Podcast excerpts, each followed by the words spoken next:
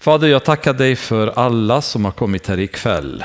Jag tackar dig för Kurt som sköter ljudet. Jag tackar dig för dem som sitter och lyssnar med öppna hjärtan att ta emot ditt ord. Fader, jag ber att du ska välsigna var och en enligt de behov som finns i deras liv, Herre. Jag ber att du ska låta deras liv blomstra i relationen med dig, Fader. Jag ber också för oss alla, för mig, för de som sitter här, församlingarna som vi kommer ifrån, Herre. Att du ska hjälpa oss att närma oss dig till den punkt där det är inte vi som lever längre, utan det är du som lever genom oss, Fader. Att världen runt omkring oss ska se ljuset som lyser i oss, Herre. Att de ska Njut av de ord som kommer från våra mun, som ska vara ord som kommer direkt från din mun till dem, Herre. Låt oss få vara känsliga för vad din vilja är för våra liv och följa din vilja, följa dina bud, Fader, även när det känns jobbigt. Jag ber, Herre, när vi sitter och står här ikväll att du ska verkligen förlåta oss de synder som vi kan ha begått, som vi inte har tagit framför dig och bekännat dem, Herre. Att du ska göra våra hjärtan rena så inget hinder ska finnas i vägen från den helige Andes tilltal för oss ikväll. I Jesu namn ber vi alltid Fader. Amen. Så, ehm, då är ni varsågoda att öppna till eh, första Moseboken kapitel 9 och så börjar vi läsa från vers 18. Och vi läser hela den delen då. Noas söner som gick ut ur arken var Sem, Ham och Jafet. Ham var far till Kanaan. Dessa tre var Noas söner och från dem har jordens alla folk spritt ut sig. Noa var jordbrukare och den första som anlade en vingård. Men när han drack av vinet blev han berusad och låg blottad i sitt tält. Ham, Kanans far, såg sin far naken och berättade det för sina båda bröder som var utanför tältet. Men Sem, Ham och Jafet, förlåt, men Sem och Jafet tog en mantel och lade den på sina axlar, gick baklänges in och täckte över sin fars nakna kropp. De vände bort ansiktet så att de inte såg sin fars nakenhet. När Noa vaknade upp ur ruset och fick veta vad hans yngste son hade gjort honom sade han Förbannad ska Kanaan bli, en slavars slav åt sina bröder. Han sade vidare, välsignad är Herren, Sems Gud, och Kanaan ska bli hans slav. Gud ska utvidga Jafet, han ska bo i Sems tält och Kanaan ska bli deras slav. Noa levde 350 år efter floden. Alltså blev Noa hela ålder 950 år. Därefter dog han. Um, någon sa en gång om det här lilla avsnittet att hade det varit så att Bibeln hade skrivits av män, utav människor och inte utandad av Gud, då skulle det här avsnittet aldrig varit med i Bibeln. Då. Eh, av den enkla anledningen att Noa beskrivs i väldigt fina ord tidigare som en rättfärdig man, den enda egentligen på jorden som Gud kunde välja med hans familj för att ta då genom floden. Men denna man nu eh, ligger full och naken i sitt tält då, ganska så att säga kort tid efter de har kommit från, från båten då kan man säga. Det har säkert gått ett antal tiotals år men, men med tanke på hur omständigheterna såg ut så, så var det fortfarande i begynnelsen då utav deras nya liv på jorden. Ehm, och vi är ju ganska noga med att dölja fel hos de profiler som vi anser viktiga för kristenheten idag. Så att om det begås, det har väldigt, väldigt många gånger varit tjafs om detta till exempel i församlingar när det har varit problem och vi tar Knutby bland annat och sådana. Att det pratas väldigt hysch inom kristenhet om då för att vi vill inte förstöra imagen för vilka vi är. Vi vill inte att folk ska tala illa om oss som kristna och ta reda på att det försiggår otrohet i församlingar, att det finns korruption, att en del har stulit pengar och, och så vidare. Sådana tråkigheter som har inträffat i församlingar genom åren. Eller att någon eh, är alkoholiserad till exempel bland församlingsmedlemmar eller pastorer, äldste, vad som helst. Och jag är uppvuxen också med den mentaliteten att vi tvättar, vi tvättar kläderna inom vår familj, vi ser till att alla andra inte ska veta vad som försiggår. Eh, men här vet vi, här läggs det där lilla avsnittet ehm, efter floden, efter de här häftiga händelserna, så får vi det här lilla avsnittet där vi, vi får reda på att Noa har druckit sig full och ligger naken i tältet. Då. Och eh, det är återigen ett bevis på att eh, troligen är det Herren ehm, som visste att det här kommer vara någonting för oss att ta del av, någonting att lära oss utav, någonting att förstå hur viktigt det är att vi håller ställningarna, vi bevakar vår relation med Gud varje dag. För så fort vi sänker gardet så inträffar det saker. Sen är det inte bara det det handlar om, men Bland annat så, så är det flera sådana tillfällen i Bibeln när Davids syn med Batsheba till exempel, där om jag hade skrivit eh, om de situationerna, då hade jag definitivt lämnat ut de detaljerna och bara fokuserat på Davids fantastiska eh, krig och det han har gjort för Israel och så vidare. Jag hade förmodligen inte berättat heller att Salomo på slutet av sitt liv har förfallit andligt totalt och gått in i avgudadyrkan, utan lämnat det åt sidan och odlat legenden om en fantastisk kung som har varit den häftigaste någonsin och så vidare. Men att de här bitarna finns spridda genom hela Bibeln, det är till läran för oss som läser att förstå. De här var människor som vi, de var utsatta för, eh, för synd, för, för frestelser. De kämpade med omständigheter som även vi kämpar mot idag. Så vi behöver ta lärdom av dem. Samtidigt så kan man också säga att kapitel 9, eh, vers 18 och 29, det här lilla avsnittet, det återigen en väldigt märklig passage som är inkluderad mellan två otroligt stora världshändelser. Vi har floden och sen kommer vi ha Babels torn i kapitel 11. Och inklämd bland dessa två jättestora händelser så har vi den här lilla passagen om att Noa har druckit sig full och ligger naken i tältet. Och eh, ena sonen har sett hans nakenhet och Noa blir ganska irriterad när hon vaknar upp och tar reda på vad som hade hänt. Mycket märklig passage mellan floden och Babels torn. Medan totala omstruktureringen av världens geografi och atmosfär och allt vi känner till idag och uppkomsten av språk och delningen av mänskligheten i nationer och stammar och så vidare. Mellan dessa så har vi det här lilla avsnittet. Och frågan är varför? Vi förstår att det är till lärdom och så vidare, men just klämma in det mellan de här två stora händelserna. Faktum är att för oss är det intressant, men desto mer intressant är det för judarna. Därför att det här avsnittet nu kommer hjälpa judarna att förstå allt som kommer hända sen med israeliternas återtåg från Egypten och intågen i vilket land? I Kanaans land. Och Kanaan är den som dyker upp här i de här verserna och Noas profetia över Kanaan och vad som kommer hända med honom som blir en väldigt tydlig förklaring för israeliterna nu som läser de här skrifterna och förstår varför nu kananiterna ska nu bli slavar under Israel. Vilket de kommer bli under både Josua och sen eh, framöver under Salomos tid då de levde i slaveri då under israeliternas makt. En ganska häftig passage som siktar på många hundra år framöver då när israeliterna kommer från Egypten tillbaks mot just eh, Kanaan för att inta det landet.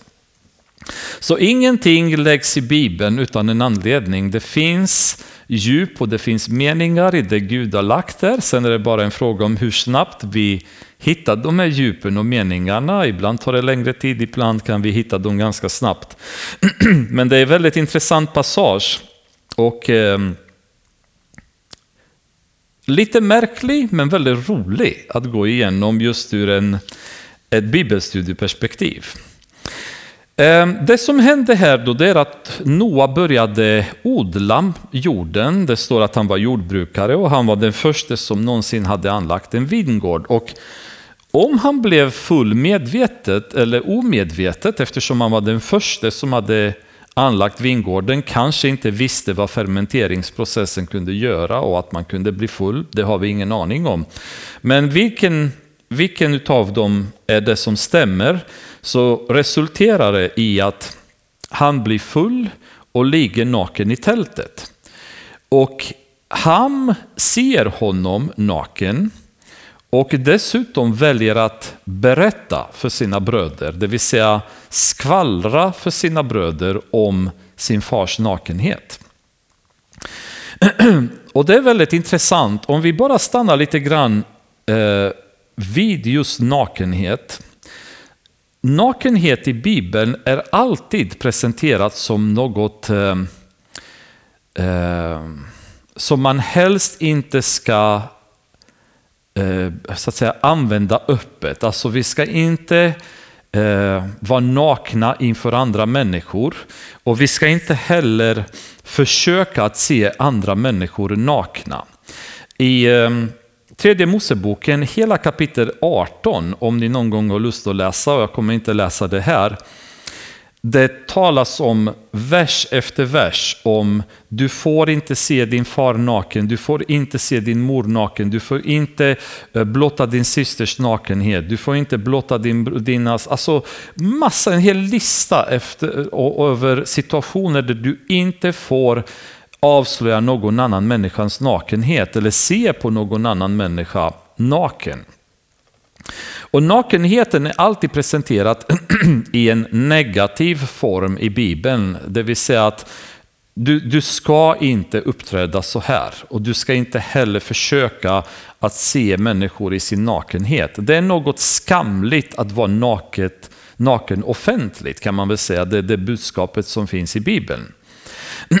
Och det är intressant att det här har varit en ganska så självklar um, självklart ämne kan man väl säga inom uh, kristenhet i alla år. Um, och även i den sekulära världen då. Tills moderna samhällets uppkomst. Då plötsligt så blev nakenheten mer och mer samhällsaccepterat. Eh, och det började med eh, att liksom folk började ta av sig kläderna på 60-talet, eh, väldigt korta kjolar, hippierörelsen där plötsligt så man behövde inte, liksom man kunde gå och visa brösten, man, man liksom gick väldigt lättklädda och så vidare. Och så har det fortsatt därefter. Och eh, ni vet att även i kristna församlingar så har det under en lång tid pågått stora stridigheter kring just klädsel, där väldigt många församlingar höll fast vid att vi behöver ha en viss typ av klädsel. Och sen den nya generationen som inte kände att de kände sig hemma i de kläderna, de ville använda något annat och så vidare. Och jag tänker inte gå in på några klädselregler eller diskussioner kring det, för jag tror till och med det är omöjligt att göra det. Men poängen som vi behöver tänka på som kristna, det är att vi behöver vara anständigt klädda. Vi ska tänka på det här att vi ska inte uppträda på ett utmanande sätt i, det, i vårt sätt som vi klär oss. Och läser ni Nya Testamentet i Timoteusbrevet bland annat så uppmanas där kvinnorna att vara anständigt klädda. Och vad anständighet betyder, jag tror inte det är varken jag eller någon annan som kan definiera, utan det är framförallt ens ärliga relation med Gud, där man i sin relation med Gud ska ifrågasätta huruvida det sättet jag uppträder, de kläder jag har på mig, är acceptabla för den, den bild som jag vill förmedla om Gud till min omgivning, till mitt samhälle, till kompisar, arbetskamrater eller hur det uppfattas av andra i församlingen. Men det var bara en, en liten, ett litet observandum kring det här att vi inom, inom kristna församlingarna som kristna bör vara aktsamma helt enkelt på hur vi klär oss så att vi är anständigt klädda så att vi inte uppträder på ett utmanande sätt, på ett naket sätt. Då. Och sen är det ju förstås, man kan ställa frågan som många direkt har gjort, det vet jag, att kan man vara kristen och gå på en nudiststrand? Eh, personligen skulle jag ha väldigt svårt att se mig ligga där på en nudiststrand naken inför andra människor. Um, Ja, jag kan inte säga att ja eller nej, det får var och en bestämma i sin relation med Gud. Men märkligt skulle det uppfattas om en pastor i en kristen församling hittas naken på en nudiststrand. Jag tror att jag skulle till och med ha väldigt svårt att ta till mig den undervisningen nästa gång jag kommer till kyrkan. Men Um, Eh, jag, jag, är inte den som får dra reglerna, men ni förstår poängen. Nakenhet betraktas som någonting som ska eh, vara så att säga, hållen för en själv. Och man ska inte liksom gå uppträdda inför andra, eller du ska inte heller försöka att, att observera andra människors nakenhet. Då. Vilket bland annat tredje Moseboken kapitel 18 handlar om. Hur du ska undvika att titta på andra människor när de är nakna. Och i det här fallet det är precis det som händer. Sen om, om Ham eh, medvetet tittade på Noa eller råkade se honom, det, det vet vi inte. Men poängen är att han inte har uppträtt respektfullt i samband med detta. Till skillnad från hans bröder som backade med manteln och lade på honom för att undvika att se honom naken, så såg han honom och dessutom gick och skvallrade och berättade för, de andra.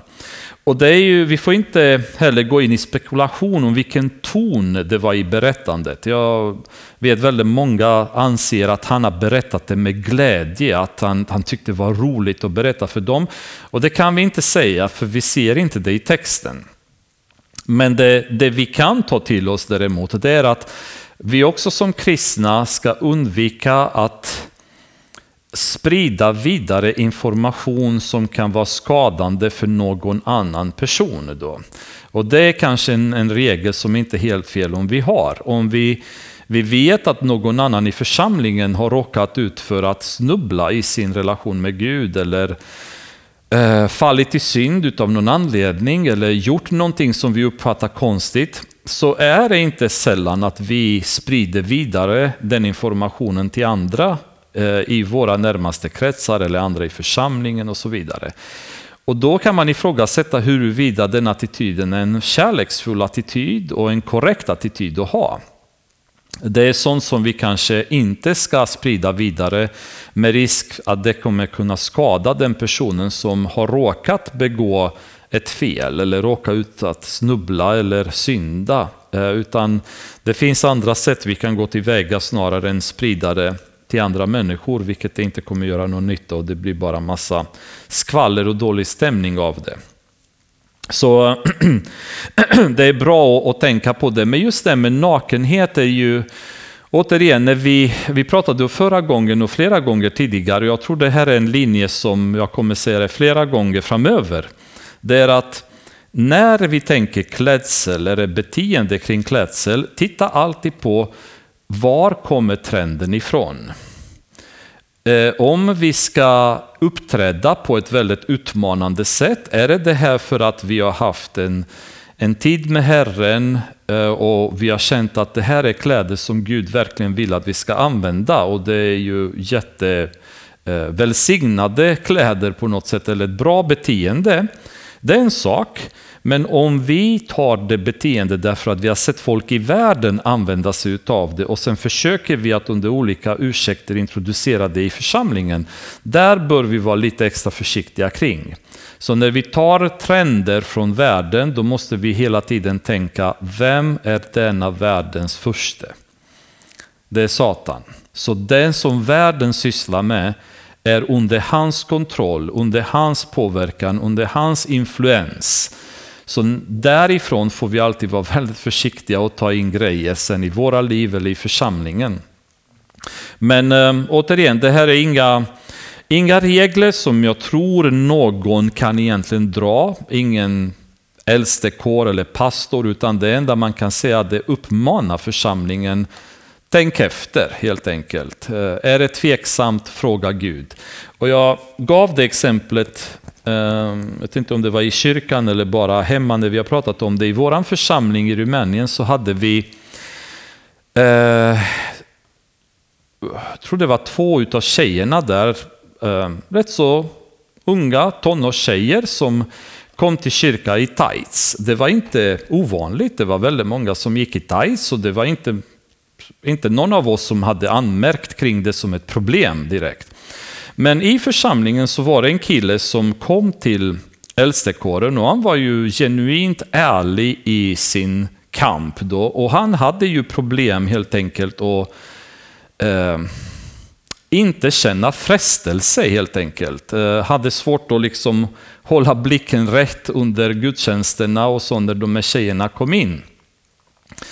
Och det kändes väldigt eh, svårt, liksom, hur ska man tackla det problemet? Men det, det var en av eh, dem i, i ledningsgruppen som sa att jag kan ta ett snack med dem, men det var verkligen med tungt hjärta som man kände, hur ska vi gå nu till de här tjejerna och säga att ni ska byta kläder? Liksom. Det känns inte rätt.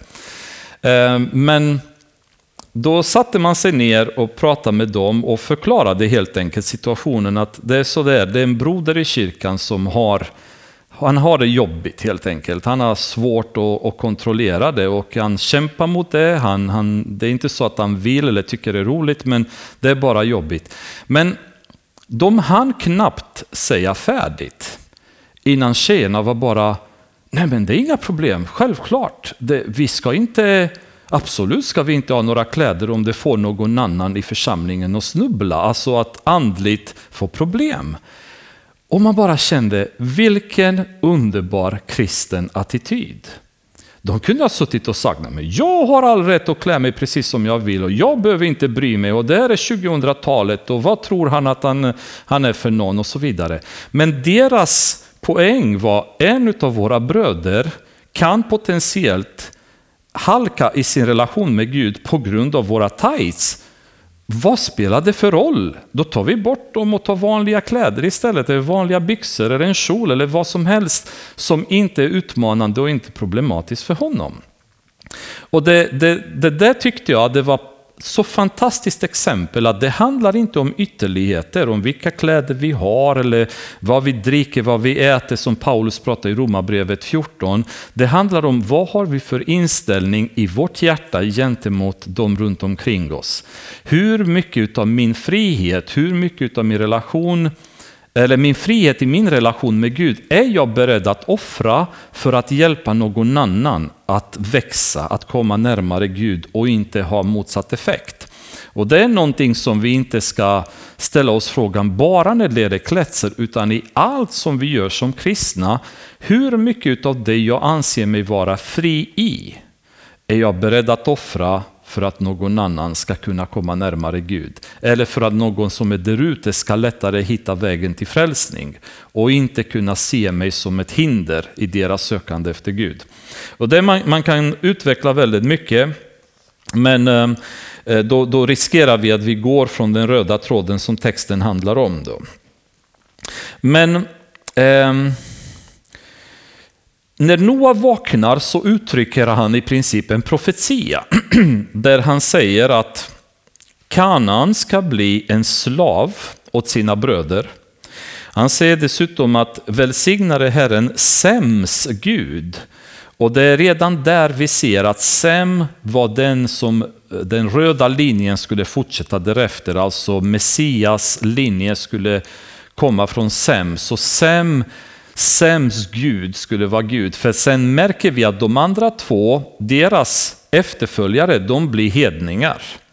Men i Sems linje, det fanns fortfarande människor som sen följde Gud. Så, så Sems Gud blev välsignad, välsignade Herren och det är, Herren är ordet Jehova i det fallet, Sems Gud. Och kanan ska bli hans slav. Och det är intressant här, Gud ska utvidga Jafet, han ska bo i sämställt och kanan ska bli deras slav.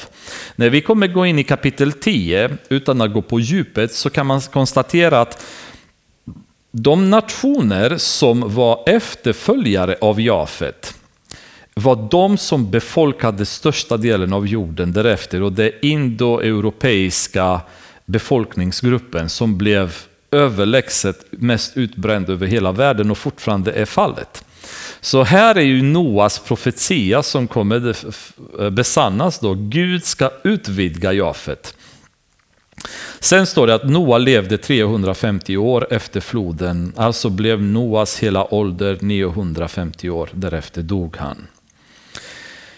Och nu kommer vi in i kapitel 10 som eh, vi kommer i princip gå ganska snabbt igenom och vi skulle kunna stanna precis hur lång tid som helst i kapitel 10 och stanna vid varje namn och se vilka befolkningsgrupper som kom från respektive namn. Men det tänker inte jag göra, utan det här, eh, om ni har en study bible, då, då finns det redan som footnotes i bibeln väldigt mycket, vilka genealogier och vilka nationaliteter som kom från vilka namn, eller om ni vill läsa i andra böcker så är det fritt fram. Anledningen till att jag inte vill gå så mycket på djupet, det är att det jag läst om detta är allt skrivet utav vetenskapsmän, det vill säga antaganden om vilka nationer som kommer från respektive namn. Och när vi pratar antaganden eller eh, tankar kring det eller man tror att det är så, då vet vi inte om det är så. Alltså det enda jag kan stå fast vid det är det som står i Bibeln. Det som vetenskapsmännen säger, det vet vi. Ibland stämmer, ibland stämmer inte. Och därför känner jag att det är onödigt för mig att lägga den tiden på någonting som vi inte egentligen vet till 100% om det stämmer. Men det finns ju väldigt mycket som verkar stämma, så ni får gärna fördjupa er vidare själva. Men vi läser ganska snabbt igenom det. Detta är Noas söners fortsatta historia. Sems, Hams och Jafets. Åt dem föddes söner efter floden. Jafets söner var Gomer, Magog, Madai, Javan, Tubal, Meshek och Tiras. Gomers söner var Ashkenaz, Rifat och Togarma. Som Ashkenaz kan man ha lite grann en uh, parentes här. Man anser att Ashkenaz sen var det de nationer som befolkade nuvarande Tyskland, uh, västra delen av Europa, till och med bortåt skandinaviska länderna. Och det finns även idag, kan man säga, judarna, de delas i två grupper och det är sefarder uh, och det är mer Mellanöstern judar och ashkenazer och det är ju europeiska judarna. Eh, och det är ju, eh, redan här så möter vi Ashkenaz som, eh, som en av, av Noas barnbarn kan man väl säga. Eller barnbarnsbarn blir det väl. Javans söner var Elisha och Tarshish, Kiteerna och Dodaneerna. Tarshish ansågs vara någonstans i Spanien, men det är inte självklart att det stämmer. Kiteerna Ehm, man tror att det var ju ehm, Cypern. Eh, så att det befolkningsgrupper från det, det hållet. Eh, Javan i vers 2, kommer ni ihåg när vi läste Daniel, profetian om Javan bland annat, så var ju Grekland då. Så förmodligen skitterna, greker, de som bodde i det området. Från dessa har folken i hedningarnas kustområden spritt ut sig i sina länder, alla med sitt språk, i sina stammar och folk. Hams söner var Kush, Misraim, Put och Kanaan. Ehm, och Kush anses vara dagens eh, Etiopien, det området. Eh, möjligtvis eh, Jemenområdet, där, de, de områdena i alla fall, kan det vara en del av Somalia. Put kan vara Libyen. Um, det, det pratas om putéer tidigare i andra, eller senare i andra delar i Bibeln som verkar stämma överens med nuvarande Libyen. I Hesekiel profetierna bland annat så dyker det upp. så Det, det är troligen de områdena. Söner till Kush var Seba, eh, Havila, Sapta, Rama, och Sabteka. Ramas söner var Saba och Dedan. Dedan är det som senare kommer bli Saudiarabien då. Kommer också in i Hesekiel-profetierna, tror kapitel 38. Kush blev far till Nimrod, som var den första som fick stor makt på jorden. Han var en väldig jägare inför Herren. Därför brukar man säga en väldig jägare inför Herren som Nimrod. Hans rike hade sin början i Babel, Erek, Akkad och Kalne i Kinas land. Så här, um, här gör man en, en, en, en, en parentes. Man går inte lika snabbt utan man stannar just vid Nimrod för att beskriva lite mer kring honom. Och anledningen till det är att denna Nimrod var uppenbarligen den första som hade etablerat ett imperium. Ehm, och han var en stor jägare, en väldig jägare inför Herren som mer i översättning betyder att han var en väldigt våldsam man. Ehm, förmodligen den första kejsaren eller den första diktatorn om man vill kalla det så som etablerade ett imperium som man styrde med våld. Då. Och eh, han etablerade just imperiet i, i Babel, Erek, Akkad och Kalne i Kinas land. Ehm, och han anses av väldigt många som en slags förespegling av eh, Eh, den som Antikrist kommer att vara senare, att det var den första avbilden av en väldigt ond människa. Och vi kommer se sen varför just detta stämmer. Eftersom Babel blir ett centrum för en avgudadyrka utan dess like som var etablerat och skapat utav Nimrod. Då. Ehm, så det, det, är, det är så att ehm, när man tänker på hur Satan har arbetat eller verkat och fortfarande gör, det är att han, han, han är inte en uppfinnare, han, han gör inte någonting, utan det enda han gör hela tiden det är kopiera och förvränga det som Gud gör. Det är ju hans stil, att ta det som Gud gör och förvränga det till något helt annat.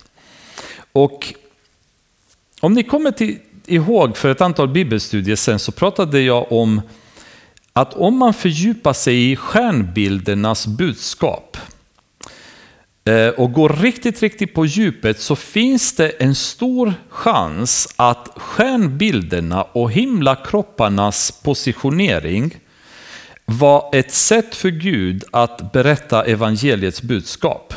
Och det är ganska så långt bibelstudium om man ska gå in på det och man måste gå in i vad man kallar för masoretiska texterna och titta i eh, hebreernas eller judarnas um, zodiak eller horoskop då, som vi säger idag och se de stjärnbilder som de pratade om och kombinera dem med de dåvarande stjärnbilderna och budskapet som var i dem. Så det är väldigt många som, som tror att på typ Enoks tid och de, de tiderna då under tidiga patriarkerna att folk kunde väldigt mycket förstå astronomiska tecken dock som ett budskap från Gud och förstod det att det var ett sätt för Herren att tala om sin skapelse, om sin skapelseplan och så vidare med mänskligheten genom himlavalvet. Um, ni kommer ihåg i, i eh, psalm, eh, psalm 19, vers 1, det står himlarna vittnar om Guds härlighet, himlavalvet förkunnar hans händers verk. Och man kan mycket väl förstå den här versen mycket djupare än att jag bara tittar och säger åh vad fascinerande allting är och förstå att det finns faktiskt till och med ett budskap i det som Gud har skapat, i det, det han visar oss uppe på himlen. Men samtidigt att det historiskt sett så verkar det som att det är under Nimrods period då man gör om budskapet kring himlavalvet och börjar tillbe himlen, himlen. Och man börjar bygga så kallade sigurater som var liknande pyramider idag. Där allting var byggt utifrån olika stjärnteckens positioneringar och det är då man skapar zodiaken eller horoskopet som det blir en mystisk tolkning av stjärnbilderna dock på ett hedniskt sätt som plötsligt de talade inte längre om Gud, om Guds plan, utan nu talade de om något helt annat. Och det blev under den här perioden av Nimrods tid då man gick in i djup avgudadyrkan. Så tills Nimrod så, så verkar det som att världen levde fortfarande i hyfsat bra så att säga, relation med Gud.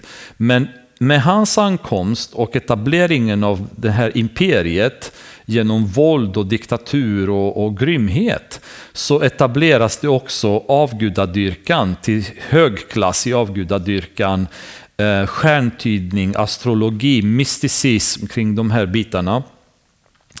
Eh, faktum är att om man tittar historiskt så alla gudar som till exempel romarna, grekerna hade, alla är kopior av de babyloniska avgudarna som babylonierna hade skapat under den tiden. Och går man ännu mer på djupet så ser man att även julgranen som vi så gladeligen dansar kring idag är inget annat än en hednisk babylonisk symbol eh, eftersom de hade den, eh, den traditionen att gå och leta saker och hängde i träd och så vidare och det spred sig vidare Ehm, genom prästerskapets eh, förflyttning sen under grekiska imperiet, romerska imperiet och sen när kristna blev en statsreligion under Konstantin så anammade man traditioner som var hedniska men gav dem en kristen symbol. Då.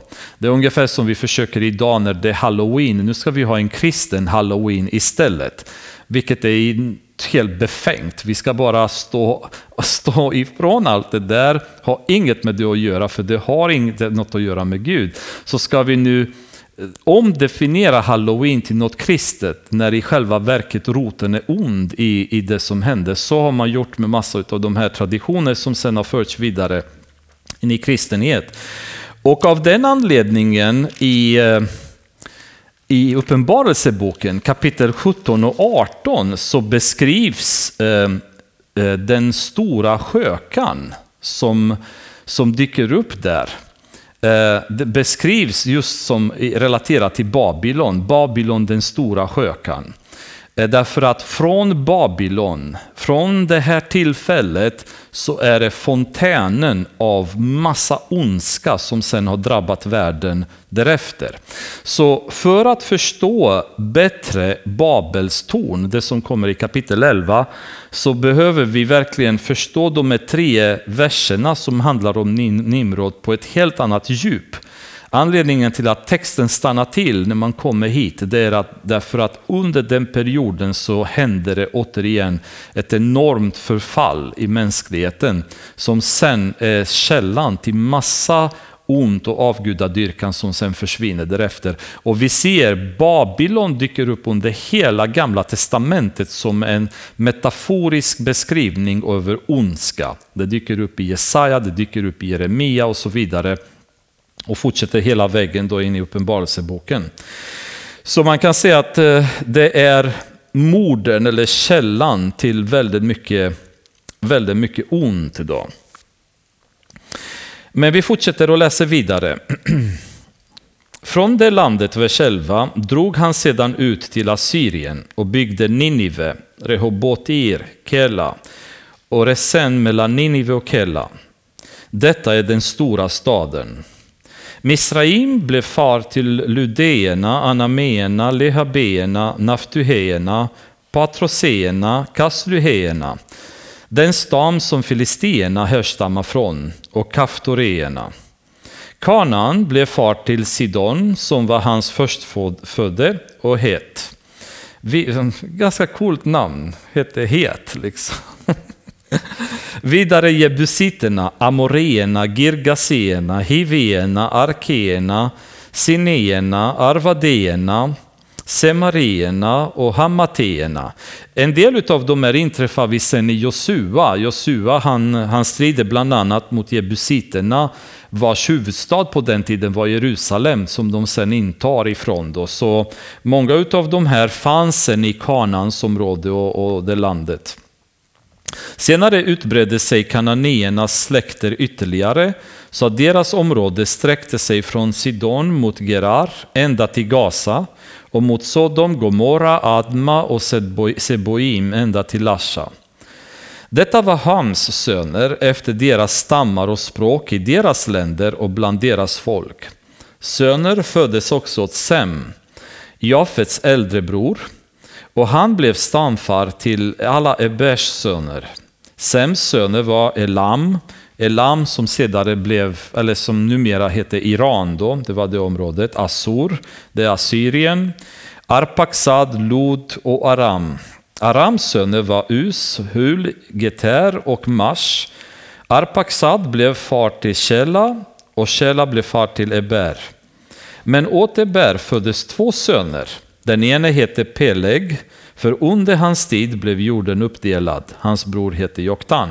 Vi pratade om Peleg tidigare då att det finns två förklaringar till vad det innebar att jorden blev utdelad. Där att antingen blev jorden delad, det vill säga att tektoniska plattorna skiftade då.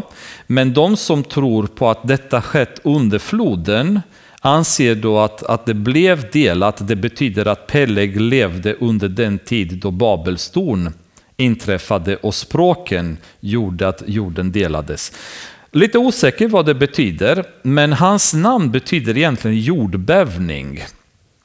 Så det kan mer tyda på det första, det vill säga tektoniska plattornas eh, så att säga, bryt då från varandra. Men eh, det, det, vet vi inte. Men det är ju i alla fall, det nämns att under hans tid blev jorden uppdelad. Joktan blev far till Almodad, Shelef, Hasarmavet, Jera, Hadoram, Usal, Dikla, Obal, Abimael, Saba, Ofir, Havila och Jobab. Alla dessa var Joktans söner. Jag hoppas att ni, ni godtar min, mitt uttal. För lite dålig koll på exakt hur de här namnen uttalas, men eh, Eh, jag gör mitt bästa i alla fall. De hade sina boplatser från Mesha mot Sefar, mot bergsområdet i öster. Detta var Sems söner efter deras stammar och språk i deras länder och efter deras folk. Detta var Noas söners stammar efter deras släktled i deras folk. Från dem har folken utbrett sig på jorden efter floden. Hela jorden hade ett enda språk och samma ord. Men när människorna bröt upp och drog österut fann de en låg slätt i Kinas land och bosatte sig där. Ehm, här gör jag bara liten, en liten parentes. Att det står att när människorna drog österut, det tvistas huruvida det var så eller inte, för ordet på hebreiska kan också betyda när, när de kom österifrån. Så det, det, är oklart om de drog sig österut eller kom österifrån. Rent logiskt, om vi anser att Noas ark hade landat på Ararats berg och Ararats berg ligger där det ligger idag, då låter det logiskt att de har dratt sig österut därifrån. Men eh, en del av den åsikt att Ararats berg inte nödvändigtvis är det vi kallar för Ararat idag, utan det kunde mycket väl ha varit eh, berg hindukurs till exempel i nuvarande Indien, Pakistan eller Iran. Och då kan det vara så att de har dragit sig österifrån. Men det här låter jag vetenskapsmännen att fortsätta att tvista kring. Jag tänkte bara ha det som parentes ifall ni råkar höra resonemang kring det så är det lite oklart där. Men här står det i alla fall i vår översättning att Eh, de drog österut och de fann en lågslätt i Kinas land och bosatte sig där. De sade till varandra, kom så slår vi tegel och bränner det. Teglet använde de som sten och som murbruk använde de jordbäck. Och de sade, kom så bygger vi oss en stad och ett torn med spetsen uppe i himlen. Låt oss göra oss ett namn så att vi inte sprids ut över hela jorden. Så det de gör nu, de har ju varit i migrerande i ett migration då, men nu hittar de Kinas slätt där och bestämmer sig att här ska vi bosätta oss. Och när vi är här så vill vi skapa oss ett namn. Och där ser vi ett slags skifte i det vi egentligen ska göra. Det vi gör är någonting som ska skapa Gud ett namn. I allting vi gör, allting vi åtar oss till så ska Gud få äran, Gud ska synas, Gud ska höras. Men allt för ofta så ligger människornas fokus på att själva ska skaffa sig ett namn. Då. Eh, att min, mitt namn ska talas om, jag ska synas, jag ska höras. Och om vi tittar på mm, Återigen psalm 19, vers 1, där står det liksom att himlarna berättar om Guds härlighet. Himlavalvet liksom talar om för oss om hans plan och så vidare. Så ju mer människan vistas ut i Guds skapelse, desto mer hör vi Gud tala till oss genom det han har gjort. Det, hela naturen, allt det här vackra i världen, det berättar för oss om Herren. För många år sedan så vet jag, jag drog uppe på berget en kväll, en eh, vinterkväll, snön var ganska djup, tog med mig kikaren och gick upp på Billingen för att komma lite grann ifrån ljusföroreningen från stan för att kolla på stjärnor. Och eh, när jag stod där och på något sätt himlavalvet bara öppnade sig och eh, vad heter det, mm, eh, Vintergatan syntes mycket tydligare och så. När jag stod och bara kollade och såg liksom objekt som är så långt ifrån oss då, så fick man, alltså bara på något sätt, jag blev så full av existentiellt medvetande om Gud, liksom vad han har gjort. Vad häftigt allt det här är, vad liten jag är i förhållande till allt det här som han har gjort. Och eh, en, en slags ödmjukhet i min position till Gud när jag ser allt detta. Liksom. Och som psalmisten säger, vem är jag? Du ska ens ha tankar om mig, känner man när man står där och ser den här mäktiga. Det var nästan som flera gudstjänster i kyrkan. Eh, som bara står där och betraktar det häftiga som Gud har skapat. Däremot, när vi tittar tvärtom på städerna, så ser vi att städerna är det som betraktar människans härlighet.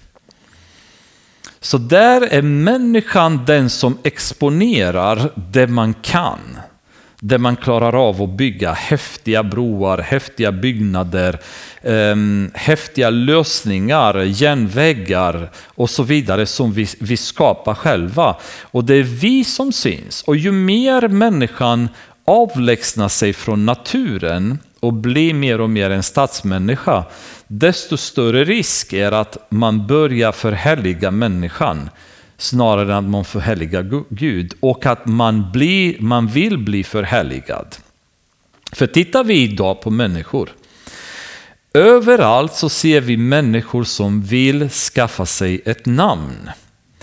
Inom musik, det är hela tiden fokus, jag måste bli känd, jag måste bli stor sångare, jag ska sälja så många skivor, mitt namn ska synas på alla billboards, eh, jag vill bli fotomodell. Um, när man, det fanns någon eh, statistik för ett antal år sedan, man hade frågat ungdomar vad vill du bli när du blir stor? Och deras svar, jag vill bli kändis. Så det var liksom, det är målet, jag vill synas, jag vill höras, jag vill att människorna ska veta om mig. Och ibland så tänker vi att det här förekommer inom musik för att de är fåfängliga och, och, och så vidare. Men tittar vi ännu närmare, det här förekommer precis överallt. Inom vetenskap. Vi tror att vetenskapsmännen är någon slags halvgudar som är bara drivna utav objektivitet och längtan efter att ta reda på sanning. Fel! Det som driver de flesta vetenskapsmännen det är äran och äregirigheten. Att bli störst, bli mest känd, bli bjuden på Nobelmiddagarna, bli bjuden på de fina kretsarna, ha mina artiklar publicerade i vetenskapstidningar. Drömmen för väldigt många som forskar inom medicin till exempel, är att få en artikel i The Lancet som är medicinska vetenskapsartikeltidningen. Och har du kommit till The Lancet, då har du gjort dig ett namn. Då vet folk vem du är, då blir du respekterad i kretsarna och så vidare. Um, och det finns ju överallt. Det finns inom konst, det finns inom litteratur. Alltså folk hela tiden vill göra sig ett namn. Men inte bara det, men det finns i arkitektur. Väldigt många vill lämna efter sig någonting som ska synas. Ceausescu, vår gamle diktator i Rumänien, hans mål var att bygga världens största byggnadsverk. Han ville slå Pentagon liksom och bygga sitt palats. Men han dog innan det var klart, så det blev världens näst största byggnadsverk. Så det saknas en våning som om han hade levt lite till hade han hunnit bygga.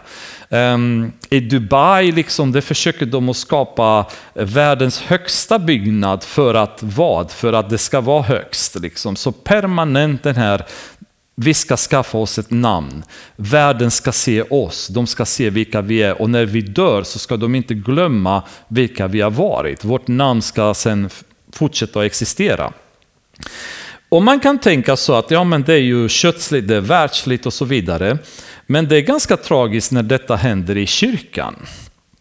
För även där är det väldigt, väldigt, väldigt många som tyvärr vill skaffa sig ett namn idag. Och på väg till att skaffa sig ett namn så är de beredda att ta till väldigt många ogudaktiga satsningar för att deras namn ska synas och höras. Och personligen, och jag säger inte att det är fel, men jag säger att jag har väldigt svårt med det. När man gör annonser, när man gör kampanjer, när man vill marknadsföra ett evenemang inom kristna sammanhang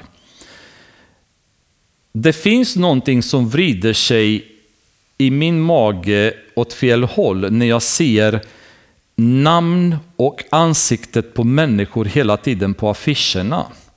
Snarare än försöka att designa affischen eller, eller tänka kampanjen på ett sådant sätt så människorna helst inte syns och inte hörs, men så mycket som möjligt utav Gud eller Jesus eller hans budskap är det som ska synas. Ehm, det finns ett ogillande i mig därför att jag upplever att fokus läggs på fel ställe. Men det kan vara att jag är hyperallergisk kring det här och det behöver kanske inte nödvändigtvis vara fel. Och jag får låta det vara i limbo där och ni får bedöma själva. Men personligen skulle jag ha väldigt svårt om jag skulle åka någonstans eller vill jag ha ett predika eller bibelstudie i någon församling, att de trycker eh, ut en affisch med mitt ansikte på affischen och stor eh, George Dobre kommer att ha bibelstudium. Det skulle kännas väldigt, väldigt, väldigt fel. Mitt namn betyder ingenting, mitt ansikte har ingen som helst betydelse. Det enda som är viktigt det är kan vi få Jesus att synas mer och höras mer? Kan vi få Gud att synas mer och höras mer? Och minimera vår mänskliga påverkan, vår mänskliga effekt i det hela.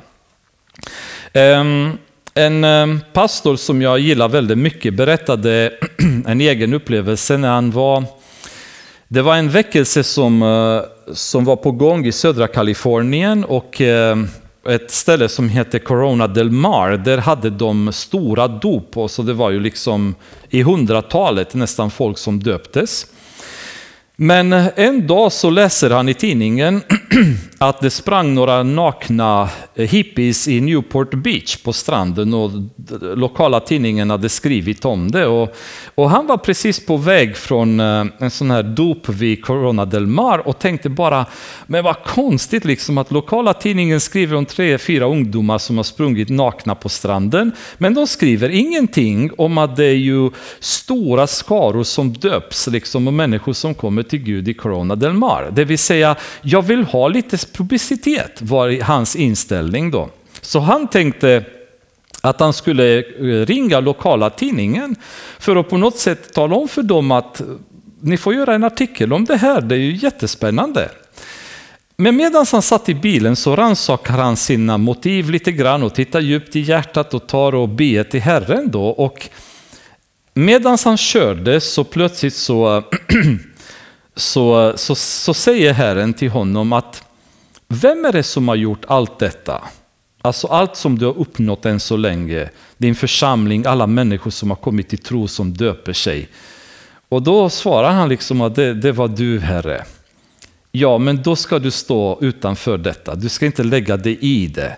Och han fick en sån här eh, syndanöd över att han försökte på något sätt att med mänskliga metod försöka göra reklam för någonting som Herren redan gjorde på egen maskin. Eh, inte mer med det. Han kommer hem och så när han kommer hem då säger hans fru att eh, det finns två män som vill prata med dig. Och han sa på den tiden det var inte ovanligt att folk var hemma hos honom. Ibland så sov hippies hemma i trädgården vid poolen. Och, så han sa att det var vanligt då. Så han tänkte att det var säkert några sådana som ville prata om kristna tro och ville möta honom. När han kommer in och hälsar på dem, då visade sig att det var två reportrar från Time Magazine som ville göra en artikel om den väckelse som, som försiggick i södra Kalifornien. Och Time Magazine, det var inte bara en lokal tidning, det var inte ens en nationell tidning, utan det var en internationell tidning där hela världen skulle få reda på vad som hände. De här människorna var hemma hos honom redan när han satt i bilen och tänkte ringa lokaltidningen för att han i egen kraft och med egen maskin får fart på Guds verk. Och Gud hade redan skickat de rätta reportrarna som satt och väntade hemma på honom. Och för honom var det så tydligt att där Gud är med och jobbar, det ska människan hålla sig utanför. Vi ska inte ha vårt namn Eh, synas och höras, utan det är Guds namn som måste alltid få äran.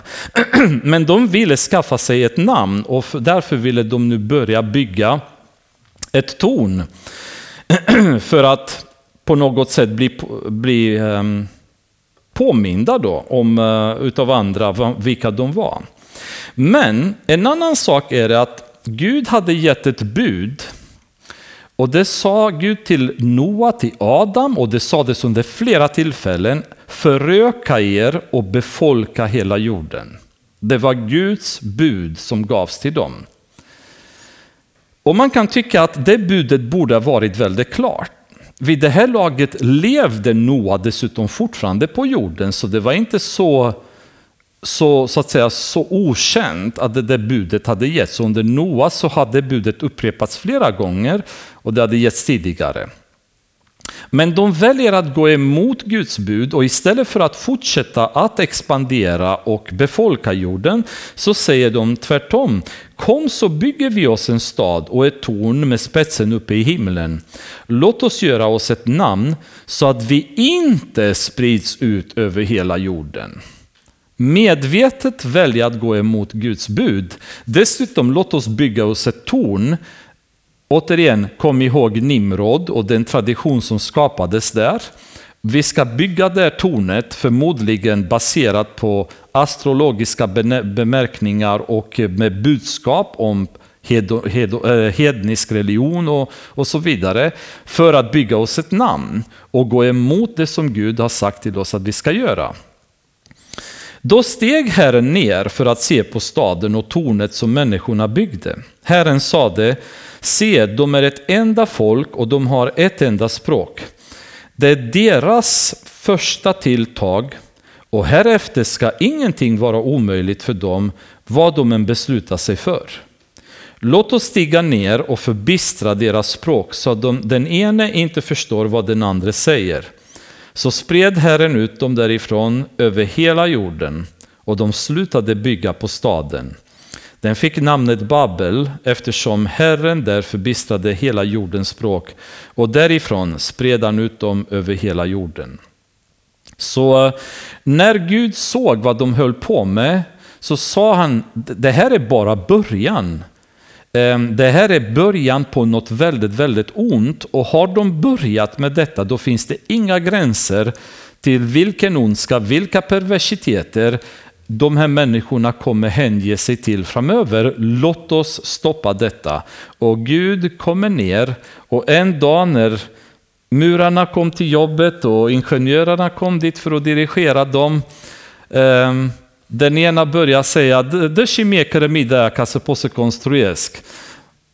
No comprende, säger den andra. Och så börjar förstå röran när de börjar snacka och ingen förstår någon. Det måste ha varit en väldig cirkus att se alla de här människorna där.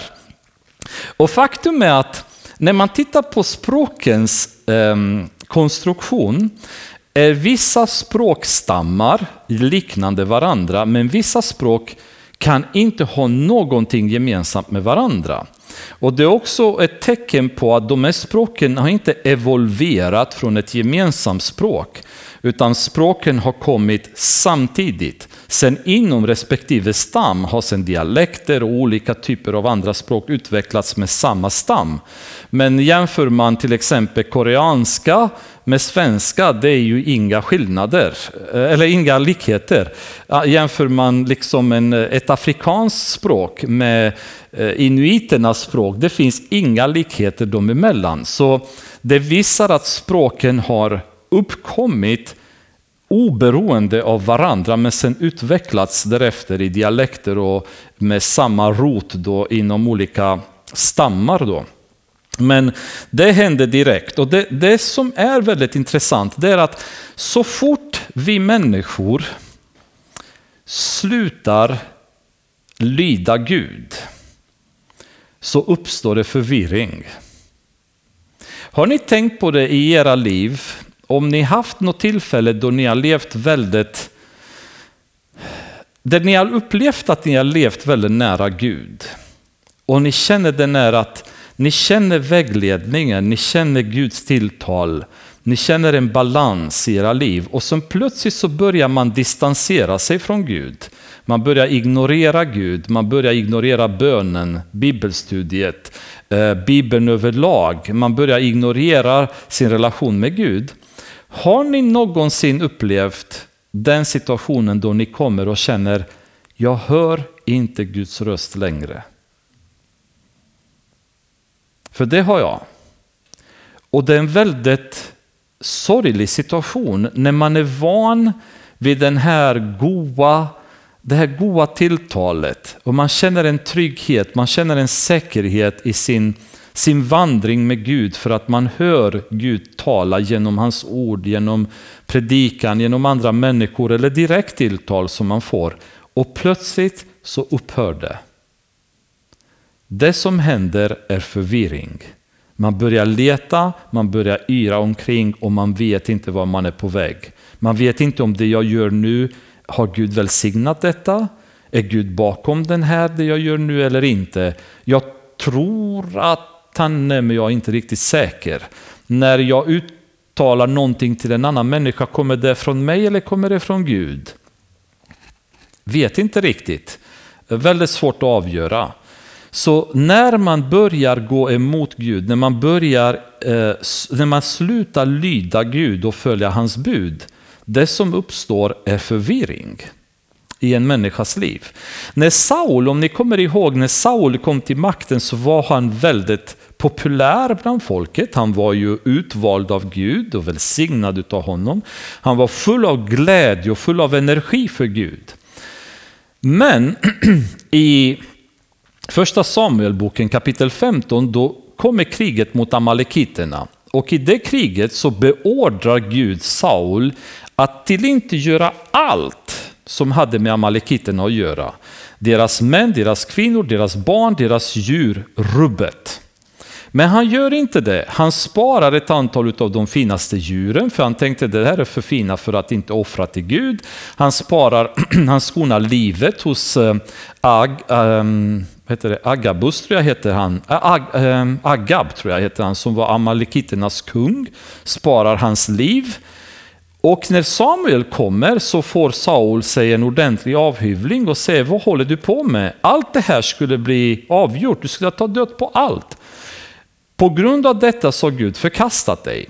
Sen dagen därefter så börjar Saul komma in i en förvirring i hans liv därför att tilltalen från Gud börjar upphöra. Och ni kommer ihåg hela hans relation med David där Saul var som besatt och galen. Där ena dagen var han arg på David, ville döda honom, nästa dag grät han och älskade honom. En total förvirring till den punkten där det blir så så illa så att i kapitel 28 i en krissituation när han, han är på väg att föra krig igen. Han blir så osäker och han är så desperat efter Guds tilltal så han går och söker upp en sierska för att hon ska tala till Samuels ande och få budskap från Samuel, för han visste att Samuel talade alltid från Gud. då. Um, vilket var en, en synd som var väldigt hemsk i Israel, att, att gå till en syerska och prata med de döda. Men han, han gör det i alla fall och resultatet av detta är att han, han dör i, i kriget därefter. Um, ehm, en desperation som blir i hans liv när han känner att jag hör inte Guds röst längre. Han talar inte till mig när man har varit van vid att höra honom, att leva med hans ledning och så plötsligt så upphör Gud från att tala. Det, det råder förvir, förvirring då. Ni kommer ihåg sen om Ahab, den onde kungen, när han ville föra också krig. Han gick till Josafat och bad honom att vara med i kriget med honom. Josafat var kung i Juda, Ahab var kung i Israel. Josafat säger till honom att ja, jag kan tänka mig det, mina män är dina män, mina hästar är dina hästar, men vad säger Gud? Har du kollat med Guds profeter? Eh, ja, men det fixar jag i princip, säger Ahab. Han tar sina 400 profeter som var genomkorrupta och alla 400 säger gå i krig, Gud är bakom dig. Men Josafat blir lite misstänksam och säger bara, ja, men har du inte riktigt någon profet som ska vara Guds profet? Han misstänkte att de är clowner och vill ha någon riktig profetia. Ah, säger Ahab, jag har, jag har en som heter Mika, men han säger aldrig det jag vill höra. Liksom. Så han är inte jätteglad att ta hit honom. Men Josafat säger, ja, men vi måste höra vad han säger. Så de tar in Mika. Och Mika eh, kommer fram och då säger eh, Ahab till honom att nu får du vara ärlig och ta om för mig vad Gud vill. Och Mika driver med honom för han vet att han vill bara höra det han själv vill och säger ah, Gud säger att det är helt okej okay om du går i krig. Och Ahab känner där, ah, det där är för lätt. Nej, hur många gånger jag har sagt till dig, säger Ahab, att du ska tala sanning om för mig. Berätta för mig nu, vad säger Gud? Och då säger Mika, så här är det. Jag har sett massa eh, utav de himmelska så att säga, varelserna samlas kring Gud. Och Gud frågade dem, hur ska vi göra för att kunna få Ahab död? Så att han kommer dö. Och den ena kom med en idé, den andra kom med en annan idé, men sen kom en lögnens ande med förslag om att han ska gå till Ahabs profeter med lögnens ande och få dem att profetera det var okej okay för Ahab att gå till kriget. Och Gud säger, det är okej, okay, då får du göra det. Det som inträffar då, det är samma sak. Där Ahab under en lång period har levt ett ogudaktigt liv, har till och med förföljt um, Elia till exempel, ville ta död på honom som var Guds profet. Och till slut säger Gud, jag ska sätta förvirring i honom. Tillåta en lögnens ande och gå till hans profeter, de kommer ljuga för honom att det är okej okay att gå till krig och han kommer dö. Vilket är precis det som händer därefter. Så när en människa slutar lyda Gud, slutar ta Guds ord på allvar, så inträffar förvirring i våra liv. Och det är ju... Det går inte att upprepa det tillräckligt mycket hur viktigt det är för oss i församlingarna att vi inte gör det. För en anledning till den förvirring som råder inom kristenhet idag är på grund av att vi har vänt Gud ryggen. Vi lyssnar inte på Gud längre, vi läser inte hans ord längre, vi ber inte längre, vi känner inte honom längre. Och vi har blivit får som inte känner fårherdens röst därför att vi har ingen samvaro med fårherden längre. Och när förherden pratar med oss, för det gör han många gånger fortfarande, så hör vi ingenting. För våra öron är inte samstämda till Guds röst längre. Vi känner inte igen hans röst längre. Vi pratade om tidigare om alla ljud som finns just nu i den här byggnaden då, men som vi inte hör. Det är permanent, massa ljud, massa röster, massa musik. Tills vi tar en radio och så stämmer vi in radion på rätt frekvens. Då hör vi allt det här som finns i byggnaden. Så så länge våra öron, vårt kinne, vårt hjärta inte är inställda till rätt frekvens så kan vi inte höra Gud. Och vi kan inte ställa in den frekvensen själva. Den här frekvensen ställs, ställs automatiskt in när vi lever med honom. Då hör vi hans röst, då känner vi igen hans röst. Som Jesus säger att mina får, de känner igen min röst. Och det är precis det som inträffar här, där människorna valde nu att medvetet strunta i Gud, köra sin egen race, bygga ett torn för att göra sig ett namn, bli kända, eh, bli mäktiga. Och Gud säger stopp. Och han skapar förvirring och det står väldigt tydligt så spred Herren ut dem därifrån över hela jorden och de slutade bygga på staden. Enkelt slut. Där tog deras megalomani och deras, deras storhetsvansinne slut. Och vi stannar här för ikväll och så fortsätter vi med resten nästa gång för då går vi in i Abrahams genealogihistoria och då är det bättre att vi kopplar det till kapitel 12 som vi kommer komma gå in nästa gång. Fader, jag ber om eh, det här som du har haft för oss ikväll, att det ska bli kvar i vårt hjärta, Herre. Jag ber så mycket att du ska hjälpa oss att leva nära dig så ditt ord, din röst är alltid hörbart. Och jag ber också att du ska ge oss vilja och styrka att följa ditt ord. För många gånger, Herre, så vet vi vad du vill, vi vet vad du säger till oss, men vi medvetet väljer att gå åt ett annat håll. Och det ber jag om förlåtelse för, Herre. Det är inte ett beteende som vi som dina barn ska ha, Herre, utan jag ber att du ska hjälpa oss att vara lydiga dig.